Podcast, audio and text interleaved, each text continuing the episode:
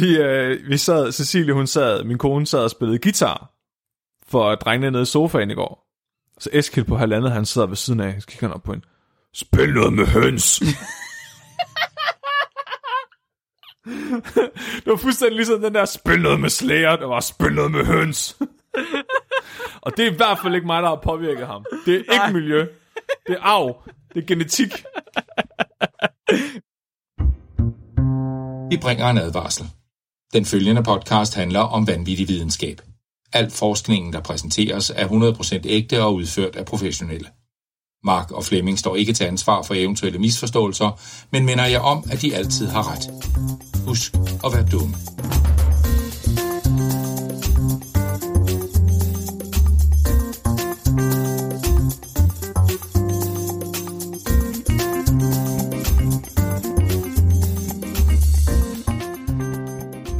Hej alle sammen, og hjerteligt velkommen til Videnskabeligt Udfordret, din bro til vanvittig videnskab. Jeg er en vaskeægte pseudotvilling, Mark Lyng. Og jeg er genetisk ens med Flemming. Flemming. Kan man, kan man godt være en klon af sig selv, Flemming? Det er bare fordi, Gælder du, det? du ikke har set begge mig på én gang endnu. Nå, det har jeg ikke. Ja, hvem er den anden dig? Det er den, der, øh, gør, hvad hedder det, tager på arbejde og sådan noget. Den her mig, det er den, der klapper hønsene.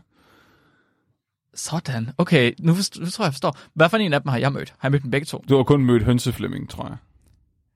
Er I brødre, eller er I kloner? Ja, Sådan. det er derfor, at jeg kan være så øh, udfordret, selvom jeg har, er i gang med at lave en PhD. jeg er ikke helt sikker. Altså, min terapeut siger det, fordi jeg har en personlighedsspaltning, men jeg er overbevist om det bare, fordi der er to af mig. Du har aldrig set den anden, men der må være to. Ja, ja, men det er jo fordi, hvis man møder hinanden, så kollapser virkeligheden. Nå, det er Hvis sådan, man det møder sig ja, selv. det Det har jeg set i Rick and Morty, tror jeg. Ja, så puh, Ja. imploderer. Og så kommer ja. der sådan en kødbolle.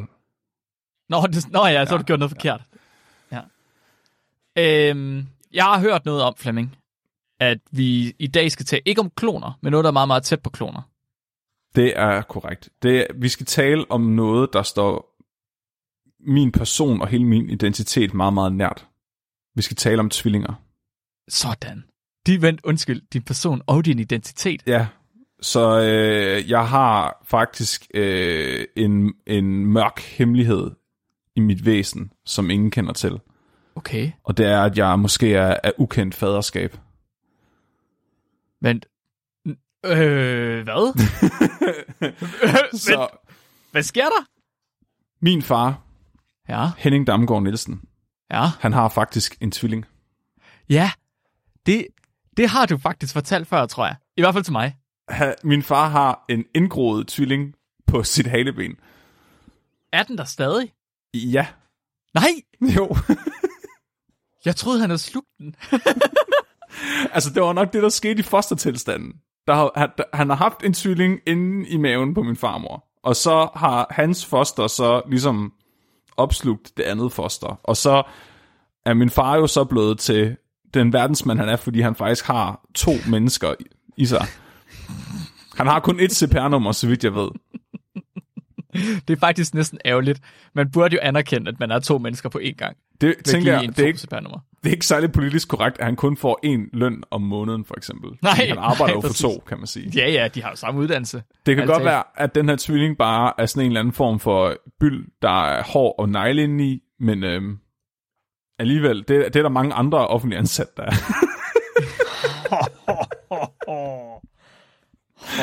og det kan jeg kun sige, fordi jeg selv er offentlig ansat. Ja,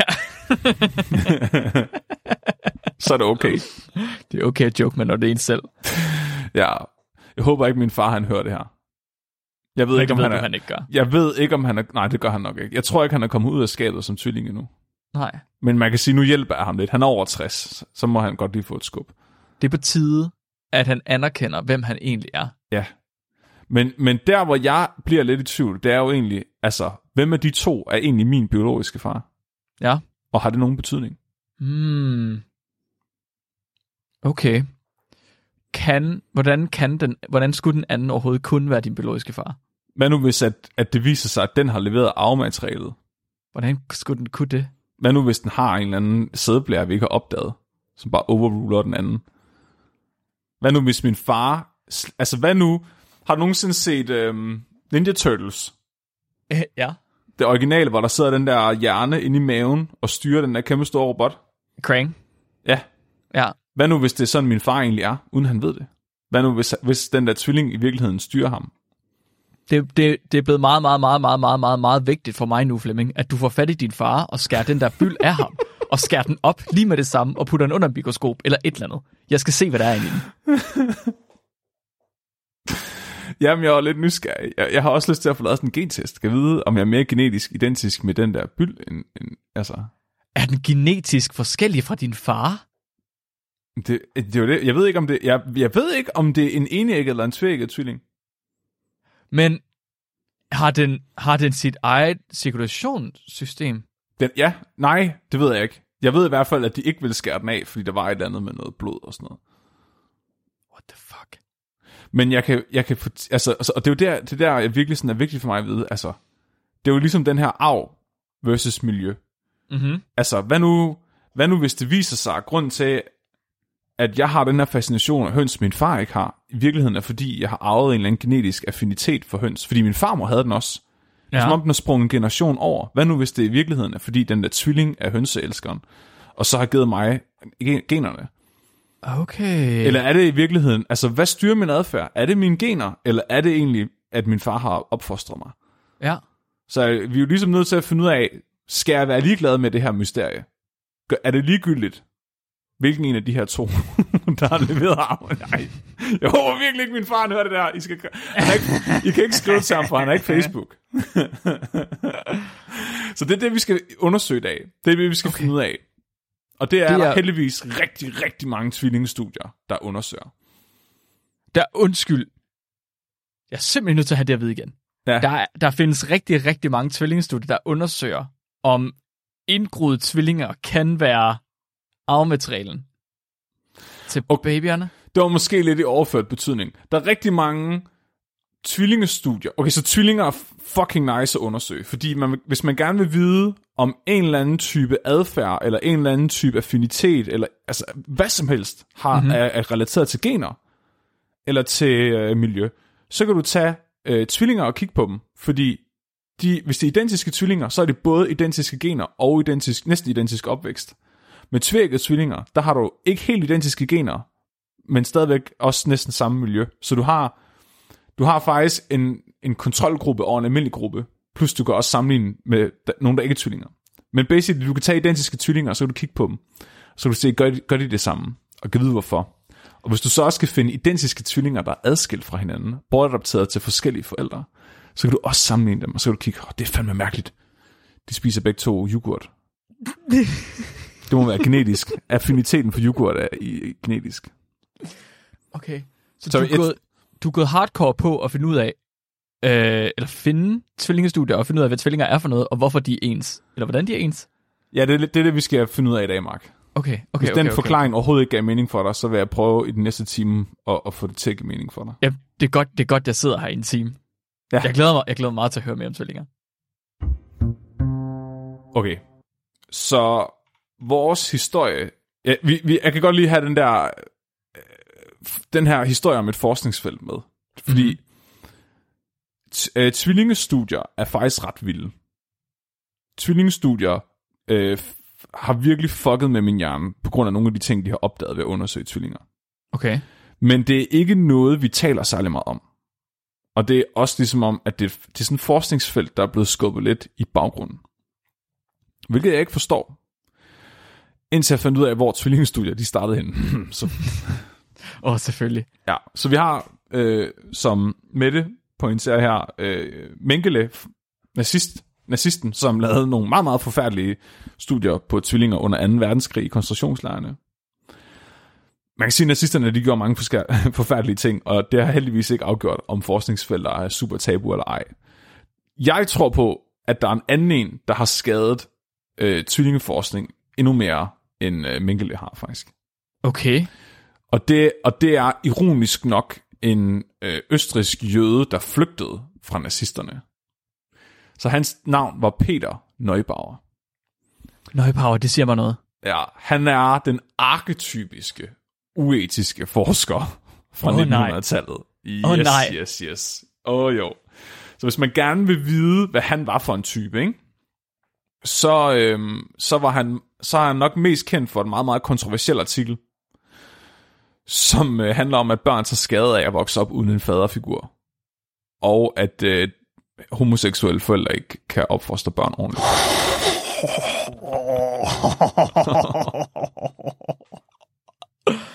Og han var offer for Holocaust. Han, hans, Eller i hvert fald flygtede fra af. Holocaust. Fl- Flygtede, ja. Ja. Øh, Den artikel hedder The One Parent Child and His Oedipal Development. Og det er en psykoanalytisk undersøgelse af, nej. af et barn, som han har lavet i samarbejde med selveste Sigmund Freuds datter, Anna Freud. Jamen selvfølgelig. Det er et observationsstudie, som tager udgangspunkt i det her Ødipus-kompleks, som Freud han talte om. Hvis man ikke er sikker på, hvad Ødipus-komplekset går ud på, så handler det basically om, øh, det er baseret på den der græske myte om Ødipus, som kom til at dræbe sin far og bolde sin mor. Det synes Kom han var, ja, det synes han var hernede, og så prikker han øjnene ud på sig selv, og så døde han. Freud, han tog ligesom Ødipus navnet, og køjnede øh, noget, han kalder Ødipus-komplekset, som var en idé, han havde om børns udvikling. Han mener, at alle børn på et eller andet tidspunkt i deres udvikling skal nå til en erkendelse af, at de aldrig nogensinde kan bolde deres mor eller far. I overført betydning. Han, han Hvor bruger ikke, overført. det er også i, ret, også i det ret bogstaveligt betydning. det handler om, at barnet, øh, når, når, når børn er helt små, så forelsker de sig i det, den forælder af det modsatte køn. Så hvis man har en datter, vil hun forelske sig i faren, og hvis man har en søn, vil han forelske sig i moren. Og så lige inden de når skolealderen, sådan slut børnehaven, så går det op for dem, at de aldrig nogensinde kan opnå den her perfekte kærlighed, eller hvad fanden man kalder det. Jeg vil sige, Christian, han klarer det meget godt. Nej, Men- jeg kan ikke. jeg kan ikke. Men han mener så, at det er en normal del af børns udvikling, at de ligesom skal nå til den her erkendelse af, at de ikke kan få lov til at bolde deres forældre, eller have et parforhold med dem, eller den, ja. Jeg ved ikke, hvad, hvad, hvad, altså, jeg prøver ikke at forstå det her for meget. Vi taler om tvillinger i dag. men, men for ligesom at komme ind på det her studie, som gjorde ham så kendt, det var, at øh, han simpelthen lavede et observationsstudie af en enkelt pige, og baseret på det her ene fucking observationsstudie, så konkluderede han der. Må man ikke det? Det måtte man i hvert fald gerne dengang. Det, jeg tænker, det har været rigtig god videnskab dengang. Lille Rita på tre år. Hendes far havde forladt hende. Faktisk havde faren øh, fået en affære med en anden kvinde, mens moren stadig var gravid med Rita, og øh, blev sådan lidt skuffet over, at han fik en datter, og ville egentlig hellere have en søn, så han skred. Og det er så fra perioden, hvor hun er tre år, til hun er seks år, at Neubauer observerer hende. Og øh, han øh, skriver blandt andet om, hvordan at øh, hun lider af den her penis envy, som man kalder det, phallus envy. Øhm, det handler basically om, at, at hun skulle være øh, misundelig på penis. Og øhm, Hold op. Hold hendes- op. Hold hendes- op. Hvor hendes- har den her person bare overhovedet ikke kunne passe ind i 2023? Og moren havde måske også forstyrret Ritas præ, prefallic regression øh, fase i sin udvikling. Øh, hvad? Ja, Mark. Det er meget, meget politisk ukorrekt det her. Og han konkluderer basically, fordi at Rita øh, giver udtryk for, at hun føler sig som en dreng, og leger, at hun har en penis, øh, så, er, så er hun ødelagt. Og det, What? det er simpelthen fordi, at øh, hun ikke har en far, og øh, forældre burde være heteroseksuelle. Det er simpelthen så... Ja, Hvorfor synes jeg, hvorfor synes jeg, at jeg har hørt det her i debatten for nyligt? Hvorfor synes jeg, at det her det lyder som argumenter, som jeg har hørt fra folk, der ikke burde have nogle argumenter inden for den her debat? jeg vil, jeg vil sige, og ikke, altså, psykoanalysen har rykket så meget siden dengang. Altså, jeg tror bare, at psykoanalysen blev brugt som et redskab til, ligesom mange andre videnskaber, at, at sige nogle ting. men men, men han, det har været meget et produkt af sin tid, det her vil jeg sige. Og, og, og hvis man går ind og fact-checker nogle af de her ting, der bliver sagt, øh, også... Altså, det kan godt være, at vi bare skal lade mig snakke om det her, Mark. hurtigt videre, hurtigt videre, hurtigt videre. Det Vi er alt for politisk ukorrekt, ja, det kan vi komme til. Nej, bare lad os som om, vi ikke har snakket om det her. Det var basically... Det var det mere vi snakker om, det mere skyder vi os selv i foden. Uh, det handler, det han, så take home message for den her intro til Neubauer, det var ligesom at forstå, hvad han var for en slags forsker. Ja, okay, okay. Fordi det lykkedes ham faktisk at lave et videnskabeligt studie, der er endnu mere kontroversielt og stødende end det her. Som er blevet et, han er endnu mere berygtet for. Var det også kontroversielt og stødende på, i samtiden? I, det blev ikke opdaget i hans samtid. Åh, oh, okay. Det blev faktisk først opdaget senere, men han var stadigvæk i live, da, det, da man opdagede, hvad han havde lavet. Okay. Så Neubauer var meget, meget besat af den her gode omkring arv versus miljø. Nature mm. versus nurture. Hvad skaber mennesket? Er vi ligesom født med en hel masse af vores personlighed prædefineret? Eller er det alt sammen noget, vi erhverver os i løbet af vores opvækst? Så det vil han virkelig gerne undersøge. Fordi det var også ret relevant for de studier, han ellers laver. Er hun, er hun født med Fallers penis envy, eller er det noget, hun har fået? Basically. Så øh, han havde en meget, meget, meget konkret øh, tilgang til det her. Han fik fat i nogle tvillinger, og han fik fat i et enkelt sæt trillinger. Og skal vi ikke bare sige, på et eller andet tidspunkt i USA, der er der, der, er der ja, må jeg tage en anden vinkel? Jeg tager lige en anden vinkel her. På et tidspunkt i USA, der er en ung mand, som, får, som bliver forvekslet med en anden person. Der er nogen, der er sådan, hey, jeg så dig sgu nede i brusen en anden dag, hvad fanden laver du? Og sådan, hvad snakker du om? Jeg var hjemme, og jeg var ikke nede i brusen. Altså, det var sådan, der var, der var en ung mand, der hele tiden oplevede enten at blive forvekslet med en person med et andet navn, eller få at vide, hvorfor han var et andet sted, han ikke var. Okay. Som om han ligesom havde en dobbeltgænger. Ja. Og det viser sig så, at efter at have, have, have snakket med nogle af de her personer, der har mistolket ham som værende en anden person, at han finder ud af, hvem det er, han hele tiden bliver forvekslet med, og så mødes han faktisk med vedkommende. Og så opdager han, at den person faktisk ligner ham fuldstændig, og taler ligesom ham selv, og opfører sig ligesom ham selv. Okay. Og de snakker lidt sammen, og de finder så ud af begge to, at de er adoptivbørn. Fra det samme adoptivbureau. Oh shit. Og at de nok faktisk i virkeligheden er tvillinger. Oh shit. Og det stopper ikke der, for der, det viser sig faktisk, at de er trillinger. Ja, de finder øh, en til. Ja, de finder sgu en til klon af sig selv. Og det er sjovt, der er billeder fra deres reunion tilbage i 1980'erne, øh, hvor man ser, at de ligesom møder hinanden og hænger ud og er mere gode venner. Og det er, ikke, det er ikke de eneste, der oplever det her i det her område af USA. Så det, så det Nøjebauer, han, han har gjort, det er, at han, han har fået fat i 11 børn, fire par tvillinger og et sæt trillinger. Og dem har han så lavet en aftale, øh, altså det er gennem det her, den her jødiske forening for familie og børn, som står for at, øh, at bortadoptere adoptivbørn fra børnehjem, og ligesom styre, hvilke børn kommer hvorhen, hvornår. Og det må så være affilieret med det jødiske samfund i USA. Så han var jo selv af jødisk afstamning, så vi må mm-hmm. også antage, at de adoptivbørn har været fra jødiske familier. Det han så gør, det er, at han sætter sig ned med det her adoptivbureau, og så snakker han med dem, og så forklarer han dem, hvor vigtigt det er for ham at finde ud af, øh, om det er ens arv eller ens miljø, der afgør, hvem man er. Og det synes de skulle egentlig også er meget spændende. Så de laver en aftale med ham om, at de sørger for, at de børn, de der er tvillinger, eller trillinger, de bliver skildret oh. og adopteret til forskellige familier, uden at nogen af dem bliver informeret om, at de har en tvillingebror eller søster. Okay. Og så følger han dem. De, de deltager alle sammen i den her videnskabelige undersøgelse i meget høj intensitet, indtil de er 12 år. Hvor han regelmæssigt kommer og interviewer dem, og måler dem på alle mulige forskellige parametre. Men der er ikke nogen af dem, der ved hvorfor. De tror bare, at han bare undersøger deres udvikling. De ved ikke, det er fordi, at han, når så han så er færdig med Anna, så kører han over til, til Emma, så, og måler de samme ting. Så det her, det er 11 børn, der bare oplever, at der er en random dude, der kommer en gang i måneden, ja. og, og måler på dem, og spørger dem ind til ting, og så går han igen, og så sådan lidt, øh, ja, Ja. Så er det den tredje tirsdag i måneden igen. Ja, og, ja.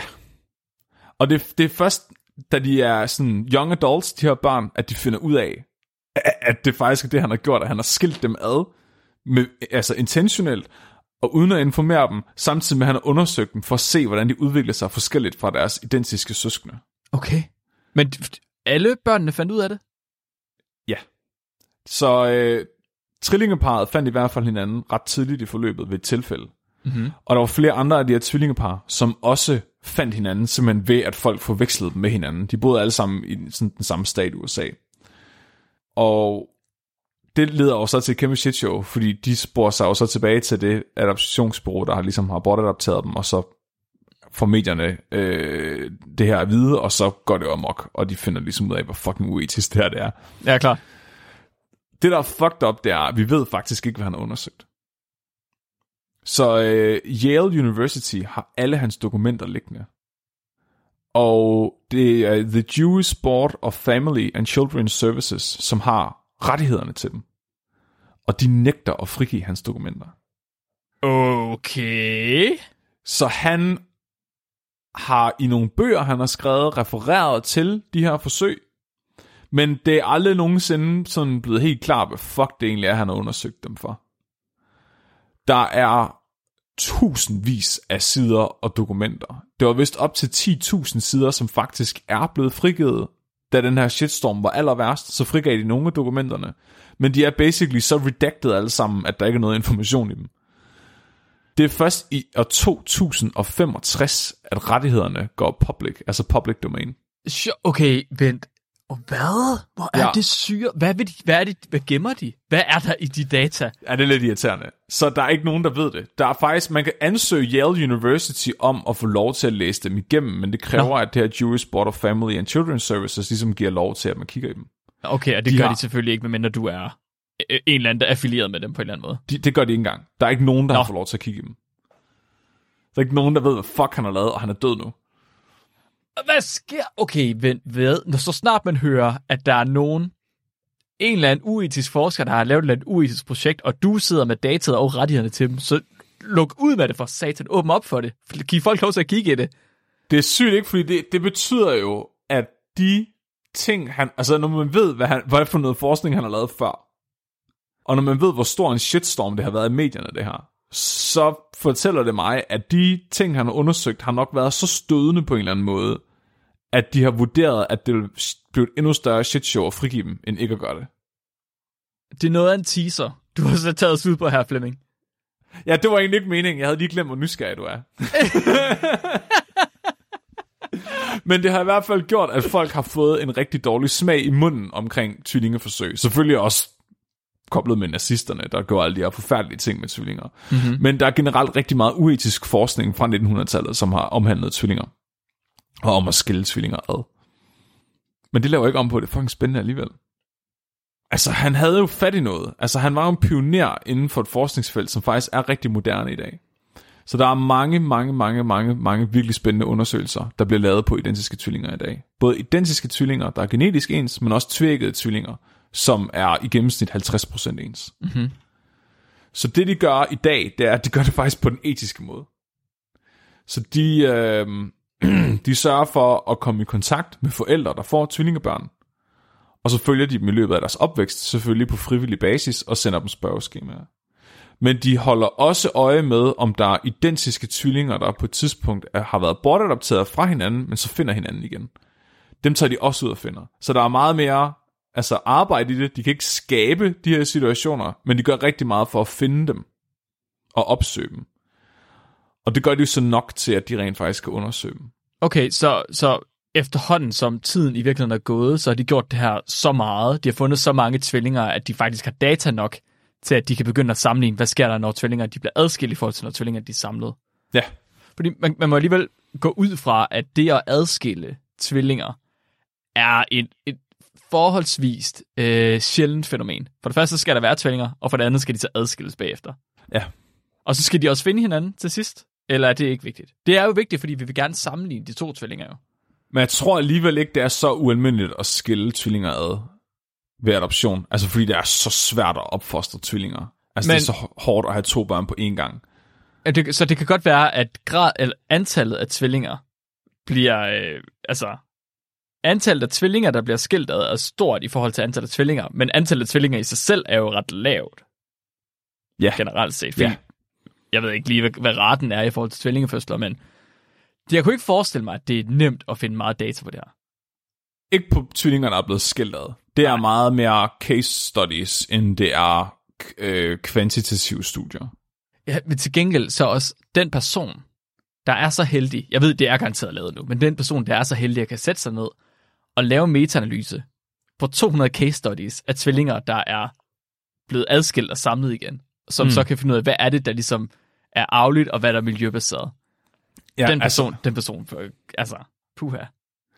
det er faktisk ret vildt at høre de her forskere snakke om det. Så der ja. er sådan cirka fem, de siger selv, der er fem til seks store forskningsgrupper på verdensplan, der kigger på det her. Okay. Og de arbejder tit sammen med hinanden, for at de netop kan få data nok. Men det er ret interessant sådan at høre, når de fortæller anekdoter om de her identiske tvillinger, som først bliver finder hinanden igen, som voksne eller som store børn. Mm-hmm. Og de, sådan, de har virkelig uhyggeligt mange ting til fælles. Altså sådan noget, hvad for noget tøj de går med, øh, om de er overvægtige eller ej. Der er også en øh, forsker, der siger sådan noget som måden, de taler på, hvad for nogle udtryk, de vælger at bruge om ting. For eksempel var der to tvillinger, som begge to valgte at sige, at de havde hovedpine, at de var blevet slået hovedet med en hammer og sådan noget. Ej, okay, hvad? Ja, også, øh, hvad hedder det, bid negle, var også en ting, de jo tit så, at identiske tvillinger enten gjorde eller ikke gjorde. Der var også vildt creepy, der var to voksne mænd, der havde mødt, øh, fundet hinanden igen, øh, som havde været skilt ad. De øh, havde begge to en ting med, at de gemte øh, kærestebrev og lavede skattejagter og sådan noget til deres koner. Jeg har, jeg har, jeg har vildt svært ved at se, at sådan nogle fænomener der, det skulle være genetisk bestemt. Det er anekdoter. Ja, Og det, jeg tror, hvis vi to lod som om vi var identiske tvillinger, så ville vi sikkert finde et eller andet mærkeligt, vi begge to gjorde.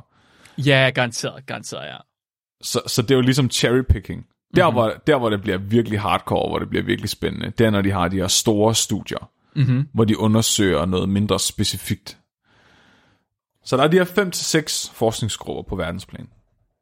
Der er højst sandsynligt flere. Men der er 5 til seks, der publicerer meget, og publicerer meget sammen, Mm-hmm. som er virkelig dedikeret til det her tvillingeforskning. King's College Twin Research Center siger selv, at de er the hotshots inden for det her. Øh, og det er også dem, der har udgivet nogle af de studier, som sådan har været meget kontroversielle og banebrydende i sin tid. Men når man går ind og læser de her tvillingestudier, så er der faktisk et universitet, der popper op utrolig meget. Og det er Syddansk Universitet i Odense. Nej, hvad? Jo. Det viser sig, at det universitet, vi to har læst på, Mark, det, er, det har simpelthen et, et center for tvillingeforskning. Hvorfor, hvad? Hvorfor vidste vi ikke det? Jeg ved det ikke. Hvorfor vi har hørt det før? Og det viser sig også, at en af professorerne herinde, øh, det er faktisk hende, der er leder for det institut, jeg laver PhD på. Kirsten, Nej, jo, Kirsten Kyvik. stop. Jo, jo, jo, det er sgu rigtigt. Hun er professor på Dansk Center for Tvillingeforskning. Men den form for tvillingeforskning, Ikke, ikke anekdote, den hardcore form med statistik, den, den du virkelig vil elske. Jeg har taget et par, Okay. øh, ja, jeg har taget et par artikler med. For det viser sig, at det forskning, SDU leverer, er fuldstændig vanvittig forskning. Altså, jeg, jeg, jeg er på røven efter at have læst nogle af de artikler, de har udgivet. Og det er simpelthen fordi, Danmark har noget af verdens bedste data på tvillinger. Hvad? Danmark har, selvom Danmark er sådan et lille, lille bitte lorteland, med næsten ingen mennesker i, så har vi data på så mange af de tvillinger, der lever i Danmark, at vi faktisk kan hamle op med nogle af de største lande i verden, altså sådan noget USA og Australien. Og det er simpelthen fordi Danmark har et center for øh, tvillinger, hvor de registrerer danskfødte tvillinger. Danmark Og det er har den Ja. ringeste pri- privatlivspolitik i hele verden. Det ringer end Kina. vi, bliver, vi bliver undersøgt med det samme, vi kommer ud, og hvis du er tvilling, så får du bare øremærk. De har i de sidste 140 år holdt øje med danske tvillinger. Hvem fik ideen for 140 år siden? Og du ved, på det tidspunkt var det jo, at de startede et center for tvillingeforskning. Det betyder, at der har været nogen, der har undersøgt tvillinger på forhånd, og så på et tidspunkt har været sådan, vi burde sgu da starte et center. For 140 år siden? Der er Før- en eller anden tilbage i 1800-tallet, der bare har set nogle tvillinger og var sådan, hvad fanden? det er kraftigt mærkeligt, det der. De, spørger, "Hvorfor- de skal sgu da ikke være så ens, skal de det? Skal de Det ikke skal være være- forskellige, når de kommer ud? Det skriver jeg skulle lige ned. jeg elsker det. Det er så fedt. Shit. Mere af det. Mere af det. Ja, det er ærgerligt, at de ikke har registreret indgroede tvillinger. Ja, true. De har, men de har, til gengæld har de information om, for eksempel om det er identiske tvillinger, altså enæggede tvillinger, eller om det er tvækkede tvillinger. Så de har alle mulige informationer. Kan man få deres data? Ja, de har simpelthen mulighed for at kontakte dem. Og sende dem spørgeskemaer. Aha. Og det gør de. Og de her, jeg har fundet to, øh, så der er kæmpe guld inde på, på bare alene i Odense, på hvad de har udgivet artikler. Jeg har fundet to, som virkelig fucker med min hjerne, som jeg synes, vi skal gå igennem i dag. Okay, ja. Fordi det virkelig sådan kunne op i debatten omkring arvemiljø. Så øhm, ifølge de her tvillingeforskere, så er vores øh, gener fucking betydningsfulde for øh, hvem vi er, og hvad vi gør, og hvad vi mener. Mere end vi som samfund egentlig vil acceptere. Det første studie hedder Familial Resemblance in Religiousness in a Secular Society, a Twin Study. Og her er det blandt andet Kåre Christensen fra øh, SDU, som har været med til at lave det her studie. Der er blandt andet, eller der, der har de så kigget på det der danske tvillingeregister, øh, register, og der har de så simpelthen øh, sendt ud til 6.707 danske tvillinger. 6.707 mark tvillinger. Født i år 1970 til 1989. Øh, et spørgeskema. For at se, om de vil deltage i den her undersøgelse. Så ikke bare 6700 tvillinger, men 6700 tvillinger inden for, der er født inden for en 10-årig periode. 20 år, 19-årig periode. 19-årig periode. Ja. 2.237 af de her tvillinger er øh, blandt andet identiske, altså har samme køn. Så det vil sige, at der er en del af dem, mm. der er Mm. identiske tvillinger. Det er fucking sindssygt, det er 55% vil gerne deltage i undersøgelsen. Og 45% udfyldt spørgeskemaet. Hvad er en svarrette normalt på sådan nogle? Ikke 45 procent, det er fucking vanvittigt. Det er tænker virkelig, 10 procent eller sådan noget. Det er jo bare tilfældigt. De har bare skrevet ud til tilfældige folk og sådan noget. Kunne du tænke dig at være med i spørgeskema? det er bare vildt. Altså 45 procent af de her 6700 tvillinger har Ja, deltaget i undersøgelsen. Det er en god slat. Det er meget godt data, var? Det er meget godt data. Det er alligevel 3.000 datapunkter. Ja, ja, det er det. Du kan godt få noget ret, altså ret signifikant øh, data ud af det, tænker jeg. Det, det er mere end jeg normalt har. Ja, ja, vi arbejder med bakterier. de, er- de, der er svarretten 100 procent. Vi skal kigge på, vi skal kigge på dem en- enkeltvis. Giv dem navne. Ja. Det, de gerne vil undersøge, det er, om religion er delvist bestemt af genetik. Oh, what? Øh, ja. Ja, ja, ja. Hvorfor? Hvad? Hvad, Ja. hvad er deres hypotese? Hvad baserer det på? Hvor kommer det fra? De baserer det simpelthen på et tidligere studie fra USA. Så et tidligere studie i USA har påvist, at øhm, et andet tvillingestudie har påvist, at hvor religiøs man er, eller hvordan man praktiserer religion, højst sandsynligt har et ret stærkt genetisk element, baseret på et tidligere tvillingestudie. What? Men de gjorde det med langt færre tvillinger, og med dårligere stati- statistik. Det tør jeg godt sige, fordi de laver noget virkelig god statistik på deres undersøgelser på SDU. Okay. Så de er sådan, okay, det vil vi sgu egentlig gerne undersøge også, fordi de har gjort det i USA. Uh, USA er fucking underlige omkring religion. de, uh, plus, at de havde ikke så mange tvillinger, de kunne spørge. Så nu kunne vi jo godt lige forbarme os over dem, og så bare lige tage vores fuldstændig vanvittige tvillingeregister og, og massere det lidt. Nu, nu tester vi lige jeres hypotese, men vi gør det lige bedre og med mere data. Ja, altså det skriver de ikke i artiklen, men det, hvis man kigger på de to artikler ved siden af hinanden, så... De, øh, de screener de her tvillinger for øh, Fishmans tre konceptuelle dimensioner af religion. Kognition, øh, praksis og vigtighed. Og som jeg forstår det, så handler det ligesom om at forstå forskellige elementer af religion. Så det vil sige, der er, hvordan du... Øhm, altså, hvor vigtig religion er for dig, men også, øh, hvad du egentlig selv tænker på. Altså, så- hvordan ser du dig selv som religiøs? Hvordan praktiserer du religion uden at sige det til andre? Hvad tror du egentlig på inderst inden? Okay. Versus, hvordan praktiserer du din religion? Altså, hvor tit tager du i kirke om søndagen og sådan noget? Så sådan en mere kulturelt betinget element måske. Det, de- det første, de kunne se, det var, at de både tvææggede og enæggede tvillinger de delte ofte deres religiøse overbevisning med hinanden. Så det vil sige, det handler ikke så meget om, de var muslim eller kristen eller hvad de var. Det var mere, hvordan var de religiøse? Så hvis de var, altså, var de overhovedet religiøse til at starte med, ja eller nej? Troede de på Gud?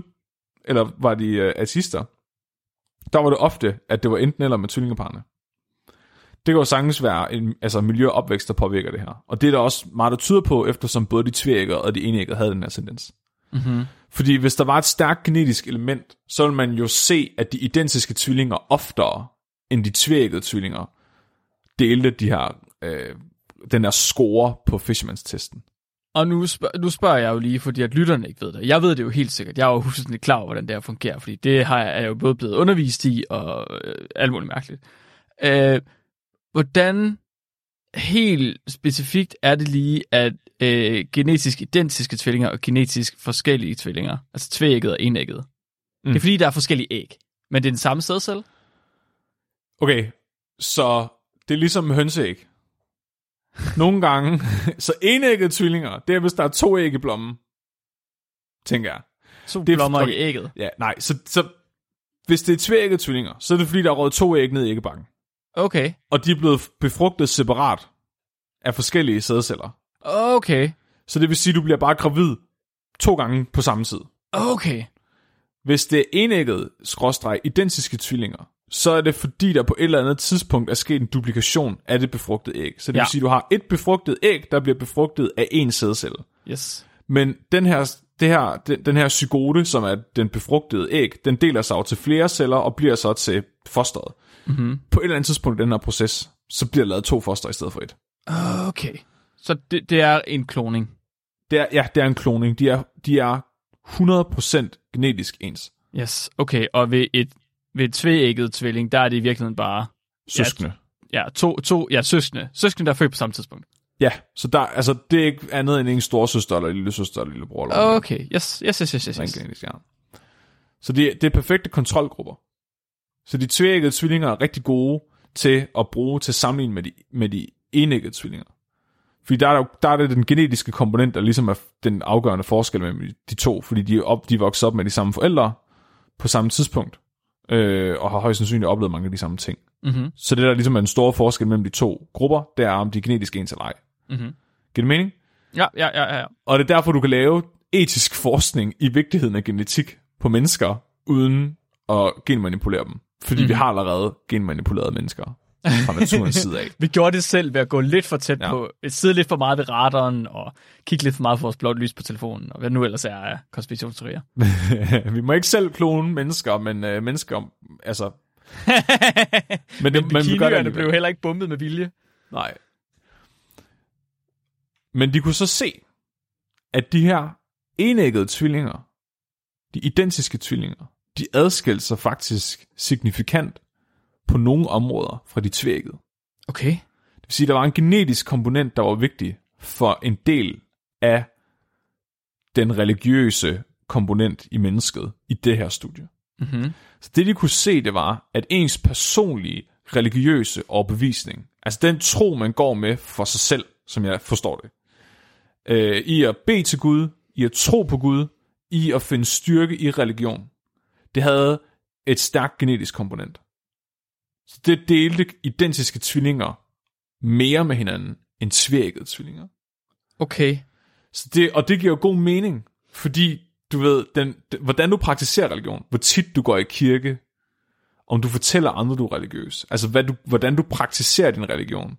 Det er jo den her miljøfaktor, altså om dine forældre har taget dig med i kirke, og har fået dig til at bede fader vor og sådan noget, hvordan du har opført dig, altså identificerer du dig som religiøs. Men hvordan du egentlig tager det inden i dig selv, uden at fortælle det til nogen, det viser sig åbenbart at have en stærk genetisk komponent, ifølge det her studie.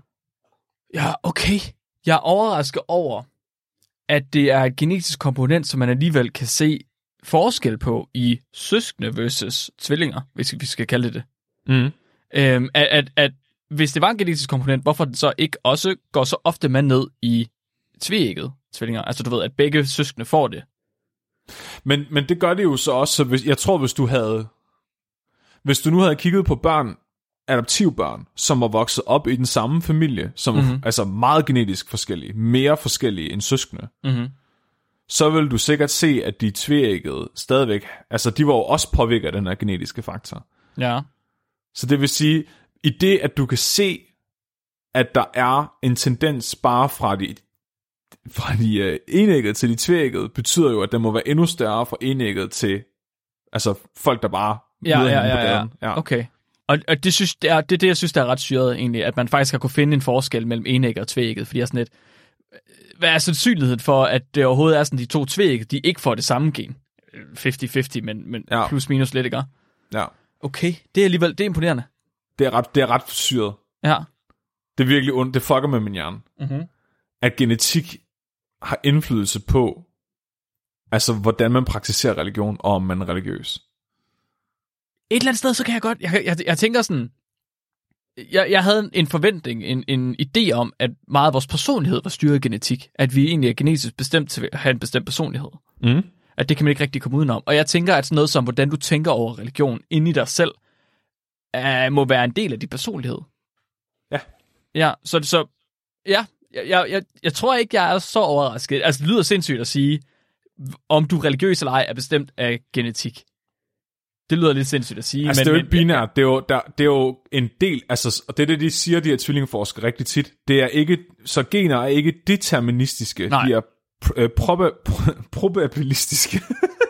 Ja, så hvis, så det, det, vil sige, det, det vil sige, de afgør ikke, hvordan du er, men de, de, de skævvrider sandsynligheden for, at det sker. ja, Giver det mening? det, ja, ja, det er der, hvor at jeg kommer til korte som mikrobiolog, fordi når vi arbejder med bakterier, så er gener deterministiske. Så hvis du har et gen, så sker der det her. Hvis du mangler et gen, så sker der det her. Men sådan er det ikke Ja. helt i mennesker. Det vil vi i hvert fald ikke selv acceptere.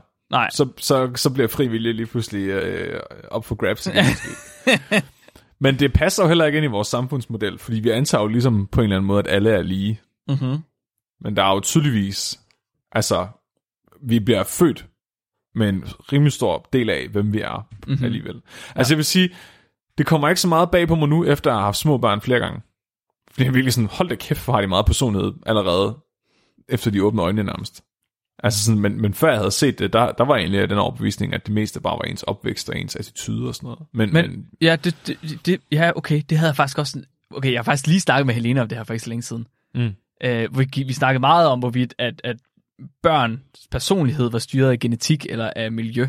mm, Det, det er egentlig ret interessant, fordi jeg tror også sagtens, jeg kan se, at, at en personlighed skal være styret rigtig meget af miljø. Det er selvfølgelig, hvad hedder det? Det er nok en blanding af de to, men hvis du siger, at der er en stærk, øh, hvad kaldte du det, genetisk, øh, hvad kaldte du det? hvad for noget? Øh, det, der var en stærk genetisk et eller andet for, at børn, eller for at de her tvillinger her, de var religiøse. Øh, Faktor, var det, du sagde? Nå, nej, nu tror jeg, jeg ved, jeg tror, jeg ved, jeg ved, hvad du spørger om. Øh, genetisk, øh, øh, hvad fanden er ordet? Wow, Mark, vi er træt i dag. Ja, øh, komponent? komponent. Der er en stærk Ja. genetisk komponent for, at, at de er religiøse eller ej. Så se, selvfølgelig, det kan godt være sådan noget med, at, at miljøet stadig kan spille ind, men det skal kæmpe imod en stærk genetisk komponent. Ja. Ja, giver det mening? Ja. Okay. Og er, det, og er det så egentlig godt for ens mentale velbefindende? At man skal kæmpe imod sin genetik? Ja, hvis man nu, hvis man nu er prædisponeret for at have en bestemt personlighed, er det så en god idé at, at prøve at indrette sig til ikke at have den? Øh, det, det er virkelig svært spørgsmål, for vi ved jo ikke, hvad konsekvensen af er af at gå imod sin genetik. Altså, jeg siger, at jeg går 100% med min genetik. Ja, det gør du. Hvem, hvis, hvis din personlighed, den er arvelig, Flemming, ja. så for det første, så har dine børn den nok. Det altså, har jeg- vi allerede set. Men jeg for det andet, så burde du også have fået den et eller andet sted fra. Hvem af dine forældre har du fået den fra? Jamen, det er det, jeg siger. Det er den indgroede tvilling. Det er den eneste forklaring. ja, du har så ret. ja. De, øh, vi sad, Cecilie, hun sad, min kone sad og spillede guitar for drengene nede i sofaen i går. Og sad og spillede lille Peter Æderkop og alle mulige børnesange og sådan noget. Mm-hmm. Så, så Eskild på halvandet, han sidder ved siden af, så kigger han op på en. Spil noget med høns. det var fuldstændig ligesom den der, spil noget med slæger, der var spil noget med høns. Og det er i hvert fald ikke mig, der har påvirket ham. Det er ikke miljø. Det er arv. Det er genetik. Jeg kunne aldrig finde på at Det er hjernevaske det samme, fordi han aldrig nogensinde været væk fra dig. For helvede. Men det kan jo også være, at min far måske undertrykker sin kærlighed til høns. Måske arbejder han imod sin genetiske komponent. Jeg vil sige, du har andre personlighedstræk, du ikke har fået fra din far.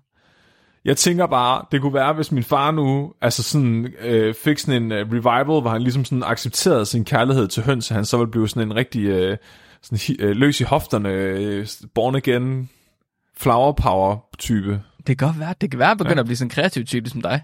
Ja, det kan være. Måske laver han sin egen podcast. Ja, det vil jeg gerne. Hennings Hennings hønsehistorier. Hennings univers. Ja. det har du, det har du. Vi skal nok hjælpe dig, far. Vi har en øh, ekstra mikrofon liggende. ja, ja. dig i gang, ja. Okay. Så. Der, der er nogle lidt, der, er- der er nogle t- jeg elsker det her studie. Det fucker virkelig med min hjerne. Også for det første, fordi det er så, øh, de er, altså det er, jeg ved godt, det er et spørgeskema-studie, men måden, de har indsamlet data på, og øh, det, der ligger bag, og måden, de laver statistik på, og hvor mange deltagere de har, det er bare, åh, det er bare så sexet. Og så viser det noget, der er så kontroversielt. Det, altså, det er virkelig... Øh... Det, de også kan se, det er...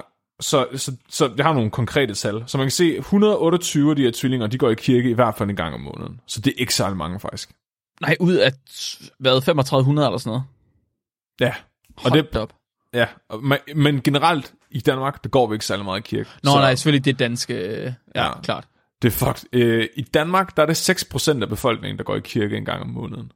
I USA, der er det, der er det halvdelen. Wow. Ja. Vi er også i Danmark faktisk nogle af, de, af dem, der er sådan ind, altså for eksempel en af de ting, man ligesom kigger på, hvordan man tror, altså øh, på, hvordan man selv er religiøs, sådan ens indre religion, det er, hvor mm-hmm. man tror på liv efter døden, for eksempel. Ja. Det er sådan en meget personlig ting. Og det, man kan se faktisk, i Danmark, der er vi nogle af de mest kyniske røvhuller overhovedet. Så i, da, øhm, i 43% af tvillingerne, de tror på et liv efter døden. Det, og det lyder som et højt tal, men ja. det er faktisk det er det mindste tal i Norden. Er det rigtigt? I USA der er det 82 procent. Jeg havde, okay, jeg havde troet, det var langt færre i Danmark. Jeg havde troet, det var 10 procent. Jeg tror, der er mange kulturkristne, som ikke tror på Gud, som stadig tror på liv efter døden. Okay. Ja, okay, fair nok. Så de postulerer så i det her studie, at fordi i USA, der er det mere, hvad kan man sige, tabubelagt ikke at tro på et liv efter døden. Mm-hmm. At de måske, at den, den her, de er mere kulturelt betinget til at skulle tro på det. I Danmark, der er det mere normalt og acceptabelt ikke at tro på et liv efter døden, så derfor er det måske faktisk, den genetiske komponent får lov til at have større indflydelse på, om man mener det eller ej, hvis det giver mening. Så det, vil det sige, at amerikanere i stor grad har den samme genetiske komponent som os, men prøver at undertrykke den? Hvad er den kulturelle faktor? Ja, fordi det er, min, det, er, altså, det er i hvert fald bare en diskussion, ikke? Men, men, men hvis at det i USA er mere tabubelagt ikke at tro på liv efter døden, så kunne man jo forestille sig, at hvis, det, hvis det er, at der er et mindre, miljøfaktoren er mindre, har mindre indflydelse end den genetiske i Danmark. Eller har USA bare et større genetisk pres for at være religiøse? Det er et virkelig godt spørgsmål. Kan, ja, der er lavet sådan nogle... Øhm, jeg var på Medicinsk Museum for et par måneder siden, og der øh, var lavet sådan det første øh, Genome Wide Association Study i hele verden. Så det er noget af det, Fleming han har lavet rigtig meget af, hvor man kigger på, er der et bestemt gen, der står for en bestemt adfærd, eller fenotype, eller hvad man nu kalder det.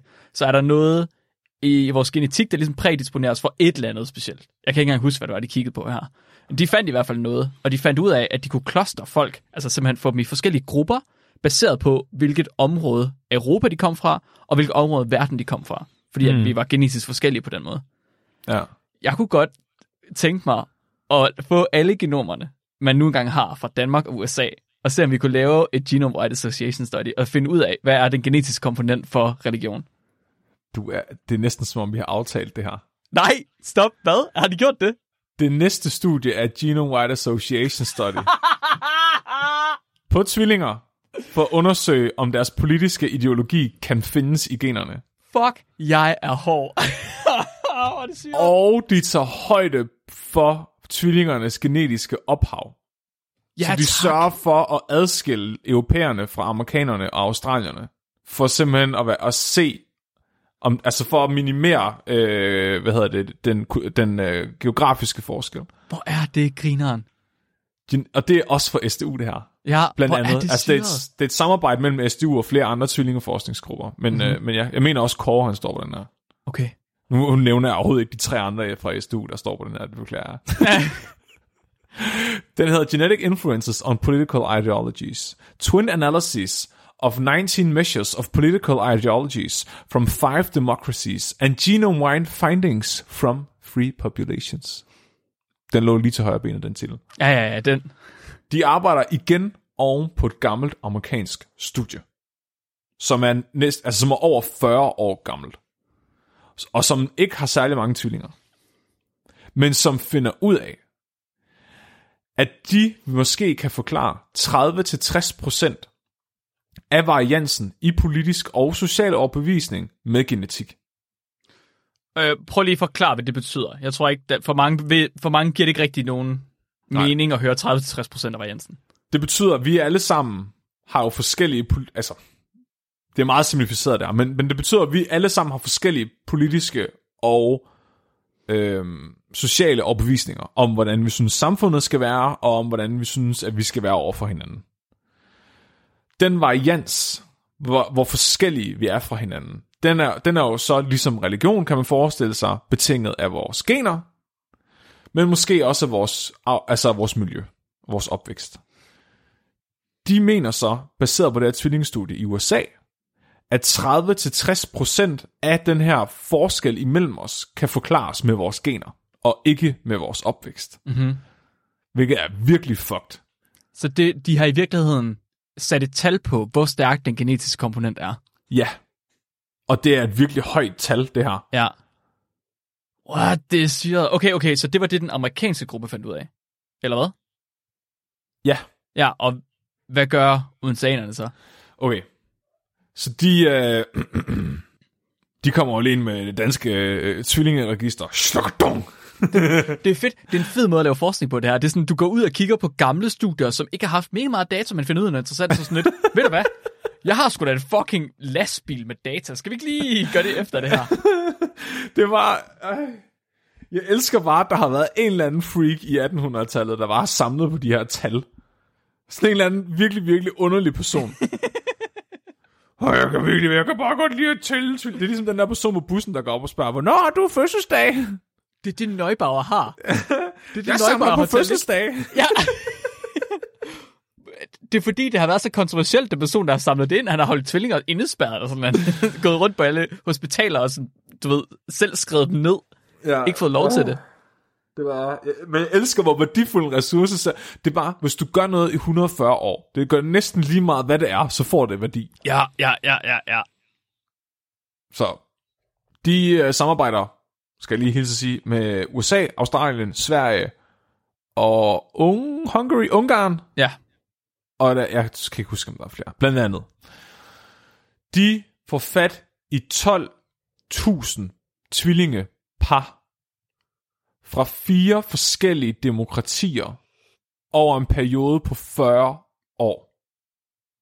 Det er mange og, tvillinger. uds- og udspørger dem en lang række forskellige ting, der er relateret til ideologi.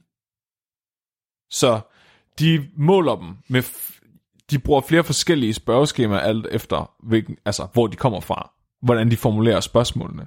Fordi sådan noget som politik, for eksempel, der er det jo vigtigt, hvordan du ligesom formulerer dig alt efter, hvilket demokrati du er i, om du siger højre-venstre eller øh, demokrat, republican osv. Mm-hmm. Men det de simpelthen gør, det er, at de giver dem spørgeskemaer, som undersøger øh, hvor, altså deres, øh, deres mening omkring uddannelse, straf, lovgivning, pornografi, skat, udenlandske læger, velfærd, abort, flygtninge og alt muligt andet, der er relateret til både, altså, både ens sociale, men også ens politiske overbevisning. Mm-hmm.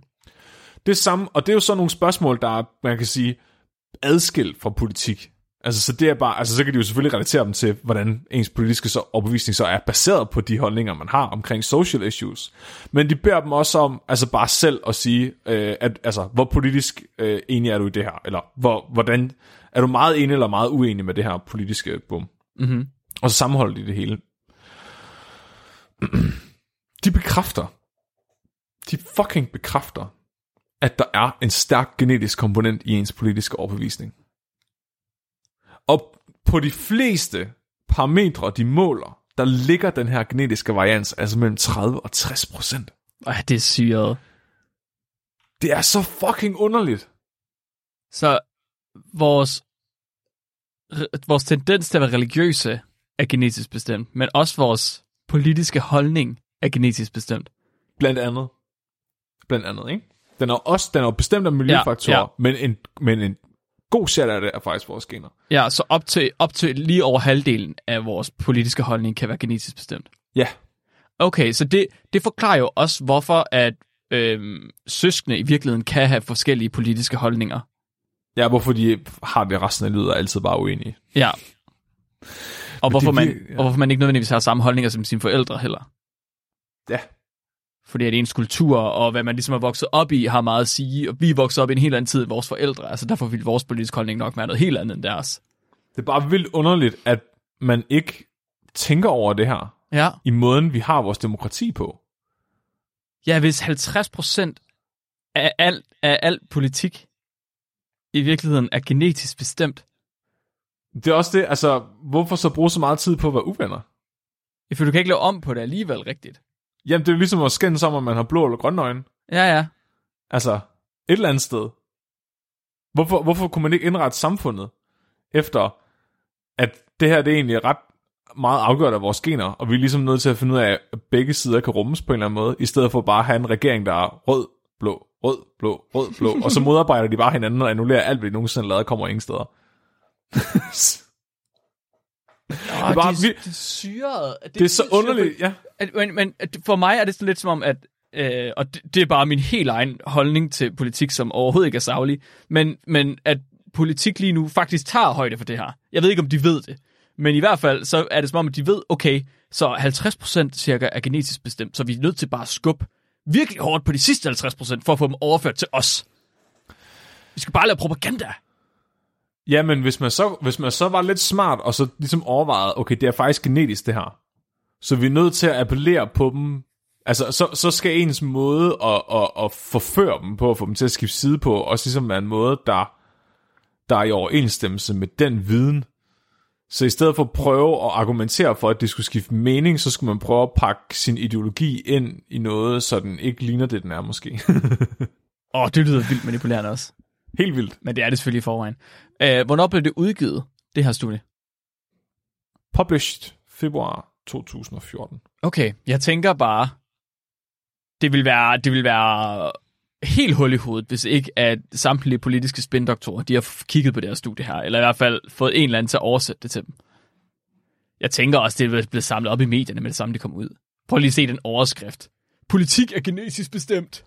der har, altså det, de skriver det faktisk i den her artikel også, at de sådan, det originale amerikanske studie er sådan, det er fucking banebrydende viden det her. Ja, ja. Hvorfor, hvorfor, hvor, hvorfor er det ikke blevet inkorporeret i måden, vi snakker om politik på, og samfundet generelt? Sådan, det kan du ikke forstå. Så nu, sådan, nu gør vi det med 12.000 tvillinger, og så er der fandme nogen, der burde høre efter. Og det er sådan, har du hørt noget om det? For det har jeg ikke. Nej. Det er Odense, altså det er blandt andet SDU, der fucking står for det her. Vi vidste ikke engang, at der var et tvillingecenter på SDU. det er virkelig mærkeligt. Det er så underligt, men jeg tror, og det er derfor, jeg gerne vil have Nøjbauer med i starten, jeg tror, at det er en del af det. At der kom noget kontrovers om det på grund af sådan en som ham. Ja, fordi det kan man jo se rigtig mange andre forskningsfelter også. Altså sådan noget som for eksempel det der med planter, med at ja. De kommunikerer med hinanden gennem rødderne og sådan noget, er fordi mm-hmm. Mhm. der var en eller anden CIA-agent, der puttede en løgndetektor på sin stueplante, ikke? Ja. Altså sådan, det bliver sådan lidt øh, forbudt, øh, tabubelagt og set ned på, på en eller anden måde måske. Men det gør det jo nok, ja. Men måske er det bare heller ikke rart at tænke på, at vi egentlig er i vores geners magt på mange punkter. Det kunne jeg Fordi forestille... Ja, det, det, det vil jo også gå op med vores måde, vores menneskesyn på. Altså det der med, at, at det er vores, altså alting, vi er vores egen lykkes smed, fordi er vi det? Ja, lige præcis. Det kunne jeg godt forestille mig en af de faktorer, der gør mere ondt på mange mennesker. Det, det er i virkeligheden svarende, altså, det er en, en, hvad kalder man det? En erkendelse, en selverkendelse, der er svarende til, da Darwin han fortalte, at vi ligesom bare er et produkt af evolution. Og at vores nærmeste forfædre har vi til fælles med chimpansen. Ja, Ja, at folk de også får sådan et, nej, vi er mennesker, vi er specielle. Vi Det er også- vi er meget sejere end alle de andre dyr.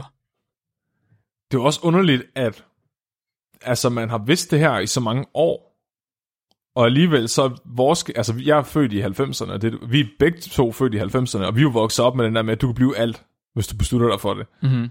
Men så har man også den der, hvis du så ikke kan, så er det, så er det din skyld. Men hvad nu, hvad nu hvis din gener bare er imod dig? Altså, hvad nu hvis din personlighedstype, eller din ideologi, eller et eller andet ikke stemmer overens med det mål, du får sat? Og på den måde, okay. Fordi også sådan en, og det, ja, IQ har faktisk også en virkelig stærk øh, genetisk komponent. Ja, klart.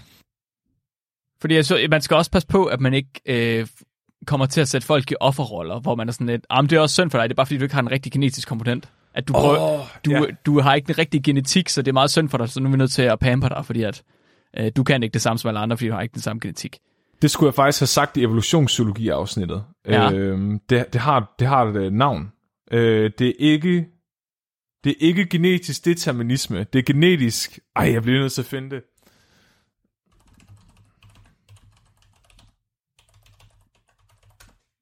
Fuck, der bliver klikket på det tastatur, mand.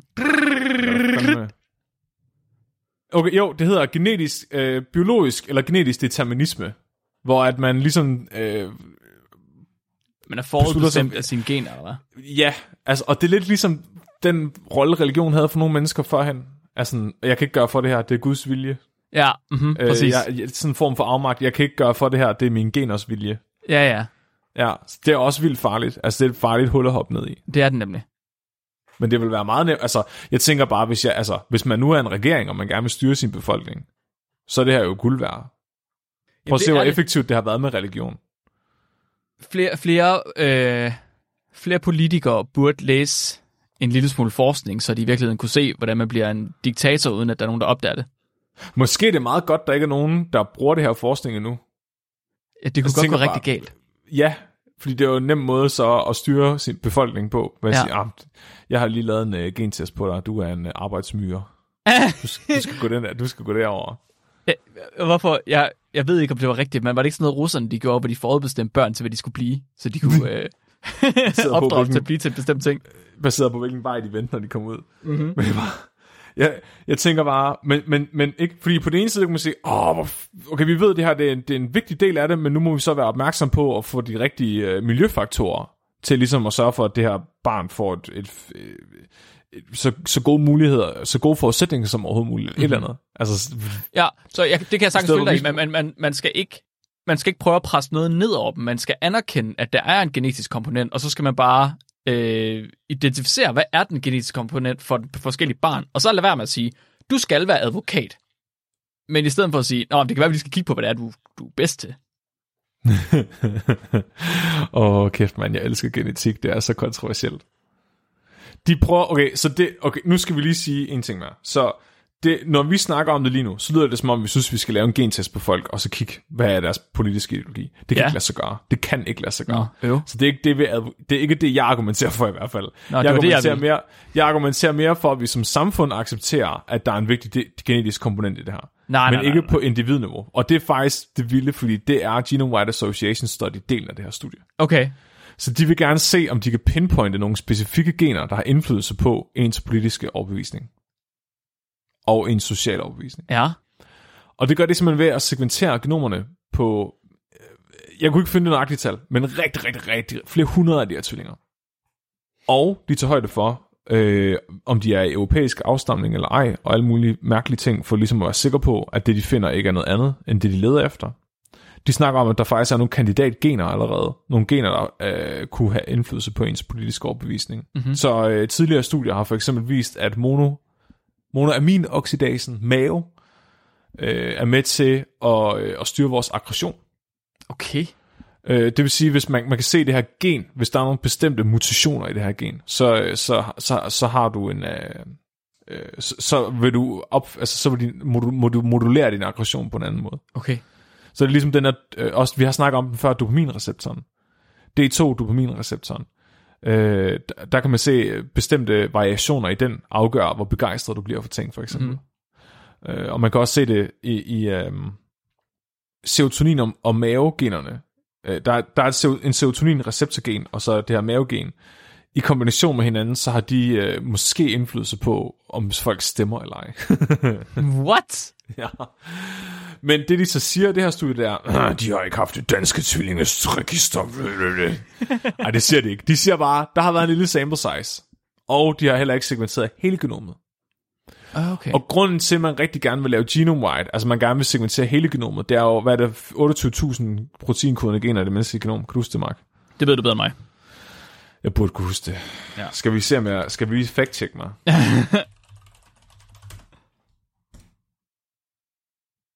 det er sikkert meget højere. Nej, det er omkring 20, et sted mellem 20 og 30. Det er mellem 20 og 25. Okay. Og tidligere har man tænkt op til 30 Okay. og 100.000.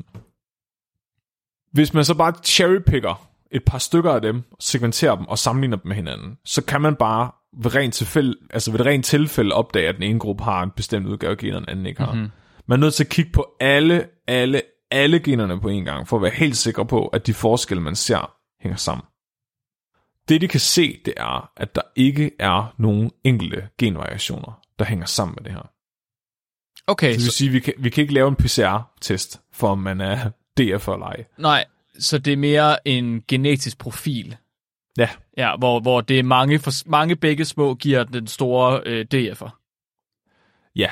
Så, så, så det er, så det, det har vi talt om tidligere også, sådan noget som højde. Ja, Så man kan ikke finde nogen bestemte gener eller koder for, hvor høj man bliver. Men man kan se, at det nok er en kombination af flere tusind Ja. øh, genvariationer, der afgør ens højde. Mhm.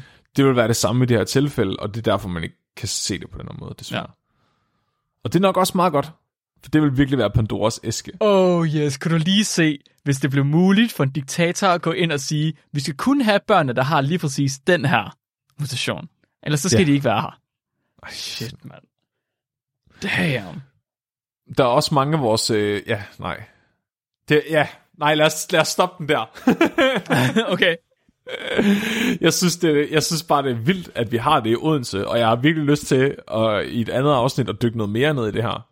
Det er mega... prøve at komme ja. i kontakt med nogle af dem derinde, fordi de kan jo forklare det meget bedre, end vi kan. Det Ja, er ja, bare 100 procent, og de ved jo, hvad det er, de har tænkt. af, ja, det, det er jo min fortolkning af deres forskning der. Ja. Jeg er overhovedet ikke ekspert i feltet. Jeg synes, det er mega spændende. Jeg elsker tvillingestudier. Jeg synes, de er øh, geniale. Jeg synes, det er sjovt, at man intrinsisk har fundet en eller anden ting i mennesker, der gør, at vi kan finde ud af så meget om vores genetik. Det Ja, er det er vildt. Ja. ja, der er sådan en glitch, ja, ja, en livmor-glitch, Ja, der gør, at vi kan wallclip og så se generne, eller Ja, genvariationerne. du ved, det var sådan en held i uheld. Ja. Det, ja, det var egentlig en bug, det her, men nu bruger speedrunners den, så vi lader den sidde. ja, ja, præcis. Nå, det er mega fedt, Flemming. Tusind tak for det. Jeg er i hvert fald... Mit verdensbillede er blevet ændret noget i forhold til... Ja, for dem, man tænker på genetik, det synes jeg er sindssygt. Fuldstændig. Ja, man, altså, jeg vil også sige, at altså, det giver mig en vis tryghed at vide, at uans, altså, uanset hvad jeg gør, så vil mine børn nok blive, øh, så har de min x-faktor. Mhm. Mhm. Og øh, man kan så sige, take home message for i dag, det er, at det egentlig nok faktisk er uforsvarligt at, øh, at, at, at formere sig, uden at mit arvemateriale på en eller anden måde er involveret. Mhm. Ja. Ja, men det, det, jeg synes, med det, øh, med det, så skal vi stoppe den her, inden at Flemming han begynder at lave sit eget diktatur. Altså, det kunne godt være, at vi skulle have en udvidelse til vores øh, webshop Mad. med Fleming-gener. Hvor man kan købe et Flemming-gen, så man kan komme til at elske høns og spille rigtig dårlig harmonika. Ja, præcis. Ja, det synes jeg er en rigtig god idé. Vi troede, vi kunne sprede det med podcasten, men det, det, er, det er miljø. Vi er nødt til at have den genetiske komponent vi er nødt til at have en genetisk komponent, ja. Ja. Fedt, Flemming. Uh, tusind, tusind tak. Er du uh, med på, at vi tager et uh, lytterspørgsmål? Meget gerne. Sådan. Vi har fået et lytterspørgsmål sendt ind fra Louise, og Louise hun har spurgt ind, øh, hvorfor folk de er venstre- og højrehåndet. Hvorfor er alle ikke bare lige gode til at bruge begge hænder? Det kan ikke være særlig evolutionært smart, at hun ikke engang kan skære et stykke brød med højre hånd, for eksempel. Hvorfor, hvorfor, Flemming, hvorfor er vi ikke lige gode til at bruge både højre og venstre hånd? Hvorfor er der sådan en, en hvorfor er der en genetisk komponent, der siger, at vi skal være bedre til ene eller den anden? Men det er jo fordi, at med højre hånd, der holder du Gud i hånden. Ja. Og med venstre hånd, der holder du Satan i hånden. Wow, nej, der tror du er nødt til at sige det omvendt, fordi ellers så hvis man er højrehåndet, og du bruger højre hånd, så kan du jo holde satan i hånden med venstre hånd. Det er rigtigt. Det må være omvendt, ikke? Det, det er i hvert fald sådan, at man skiller de overlegne fra de underlegne mennesker.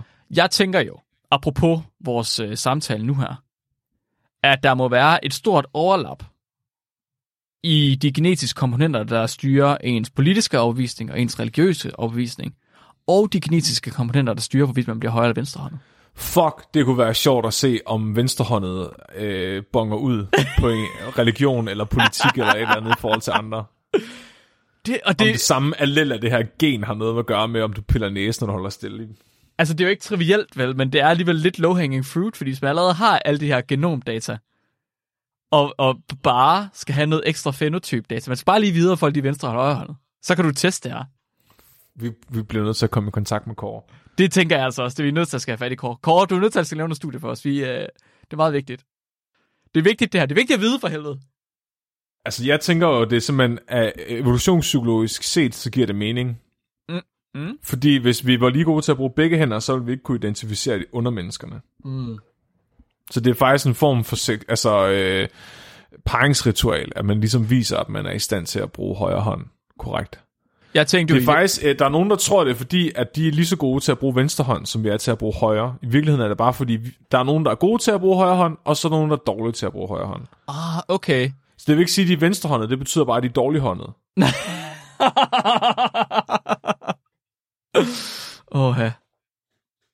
Okay, så øh, skal vi ikke sige, at det var svar til Louise, at øh, man skal bare holde op med at være venstrehåndet? Det er, fa- der er faktisk ikke noget, der hedder venstrehåndet. Det hedder bare, at du ikke er højrehåndet. Det tror jeg, vi siger. Og så siger vi tak for spørgsmålet, Louise. Og så håber vi, at du vil sende nyt spørgsmål ind, og du ikke kan holde op med at lytte med det samme. Hvorfor kan hun egentlig ikke skære brød ud? Fordi hun er venstrehåndet. Ja, det ved jeg da ikke. Hvorfor? Nej, det er fordi, hun ikke kan med højre hånd, tror jeg. Det er problemet. Nå, jeg tror, hun er en hund, der ikke kunne skære brød ud. Nej, nej, nej, nej, nej. Det kan da ikke være særlig evolutionært smart, at jeg for eksempel ikke engang kan skære et stykke brød med højre hånd. Det kan du jo bare se. Ja, det er ikke særlig evolutionært smart. Du har lige sagt det. Du har selv sagt Jeg det. tror, jeg tror på, at højrehåndet faktisk er lige så gode til at bruge venstrehånd, som venstrehåndet er. Det kan heller ikke være særlig svært at undersøge. det tænker jeg, vi er nødt til. Det, det er min påstand. Ja, Det, er bare, det, det hedder ikke at være venstrehåndet, det hedder bare at være dårlig til at bruge sine hænder. Og sådan er det. Åh, det studie med det overskrift, det bliver... Øh, puha. Det bliver sjovt. det kan kun blive godt. Prøv at tænke hvor kontroversielt det er, hvis man finder ud af, at, at, at, sådan, at det er genetisk bestemt, om man er venstrehåndet, og at, at sammen med det allel vandrer gen for en eller anden personlighedstype. Jeg vil ikke publicere det. Så vil det, så vil det fuldstændig invalidere alle de videnskabelige studier, der nogensinde lavet, der ikke tager højde for håndethed, og så kan de fucking lære det, kan de. Jeg vil ikke turde publicere det. Nope. Nope, nope, nope, nope, nope. Det vil, vil det være noget venstrehåndsarbejde. ah, okay, nu synes jeg, nu synes jeg, Flemming, nu synes jeg, du skal fortælle folk om, hvad det er, de, øh, hvad det er, du gerne vil have, at folk de gør. Hvad er dit call to action i det her afsnit, Flemming? Jeg har brug for jeres hjælp. Jeg har faktisk så meget brug for jeres hjælp, at jeg er villig til at tage imod hjælp fra en venstrehåndet derude, hvis det kan lade sig gøre. Der kan man bare se, hold op. Vi øh, har brug for... Ja, vi skal faktisk... Så vi er jo i gang med at lave vores eget forskning. Som vi nok har opdaget, så begynder livestreamen på Facebook en gang imellem. For at lave vores videnskabelige studie. Parallelt med det, så er der faktisk nogen, der også gerne vil undersøge os. så øh, Sabrina vil gerne lave et videnskabeligt studie, hvor hun følger efter os som en biolog næsten. Ja, Men ikke kun os, også jer lyttere. Og det bliver et øh, studie, vi laver sidst på året. Men lige nu er vi i gang med opstartsfasen. Og det vi har brug for, det er nogen, der kan finde ud af at hjælpe os med at bruge en computer. sagde, sagde ham, der skriver PhD i computer. Præcis. vi skal have nogle lydklip fra podcasten, man skal sidde og lytte til. Og mens man lytter, så skal der være nogle nedslagspunkter, hvor man skal kunne trykke på en knap, om man synes, det er dårligt, eller godt, eller sjovt, eller et eller andet. Og så skal det ligesom kodes ind i videoen, så vi kan se, på hvilke tidspunkter man har trykket hvad. Det er faktisk ret nemt. Ja, det skal, det skal basically være ligesom reaktioner på, på Facebook, eller på en Twitch-stream, eller sådan noget. Der er nogen, der kan hjælpe os med at lave det, så kan de potentielt komme med på artiklen. Og få vores evige taknemmelighed og få en høne. Ja, ja. Og man får en høne også. En betonhøne eller en rigtig høne? Betonhøn. Du f- Der er ikke nogen, der får med rigtig høns. Nej, okay.